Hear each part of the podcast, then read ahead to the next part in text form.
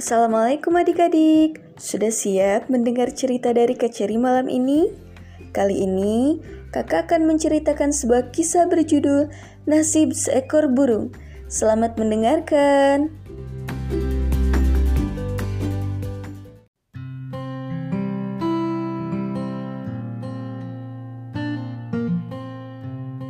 Nasib seekor burung ada seorang kakek yang sangat terkenal.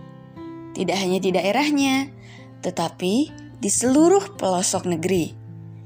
Ia tidak hanya dikenal sebagai seorang yang baik dan cerdas, namun lebih dari itu, ia dipandang sebagai seorang yang amat bijaksana. Setiap kali berhadapan dengan persoalan yang paling rumit sekalipun, ia pasti akan mampu keluar dengan ide-ide yang cemerlang.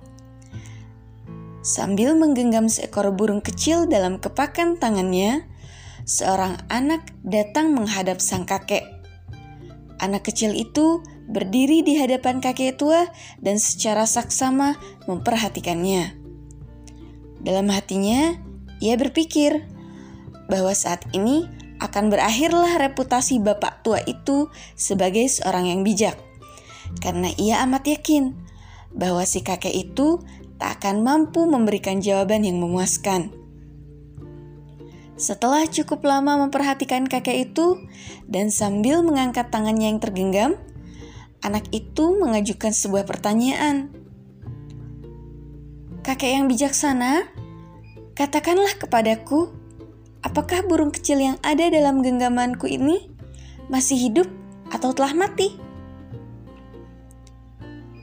Anak itu berpikir, kalau dijawab sudah mati, maka ia akan melepaskan burung yang masih hidup dalam genggaman tangannya itu agar bisa terbang.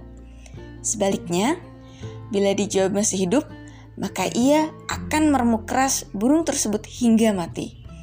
Dengan itu, Pak Tua tersebut akan kehilangan nama baiknya. Anak itu semakin tidak sabar menanti karena kakek tua tersebut tidak segera memberikan jawabannya. Setelah agak lama berpikir, kakek tua itu berkata, "Secara jujur, harus aku katakan bahwa aku tak tahu apakah burung kecil dalam genggamanmu itu masih hidup atau telah mati. Namun, aku tahu satu hal." bahwa nasi burung itu berada dalam genggaman tanganmu. Begitulah nasib kita, sama dengan nasib sang burung kecil itu. Tuhan menghargai kebebasan kita untuk menentukan arah dan nasib hidup kita sendiri.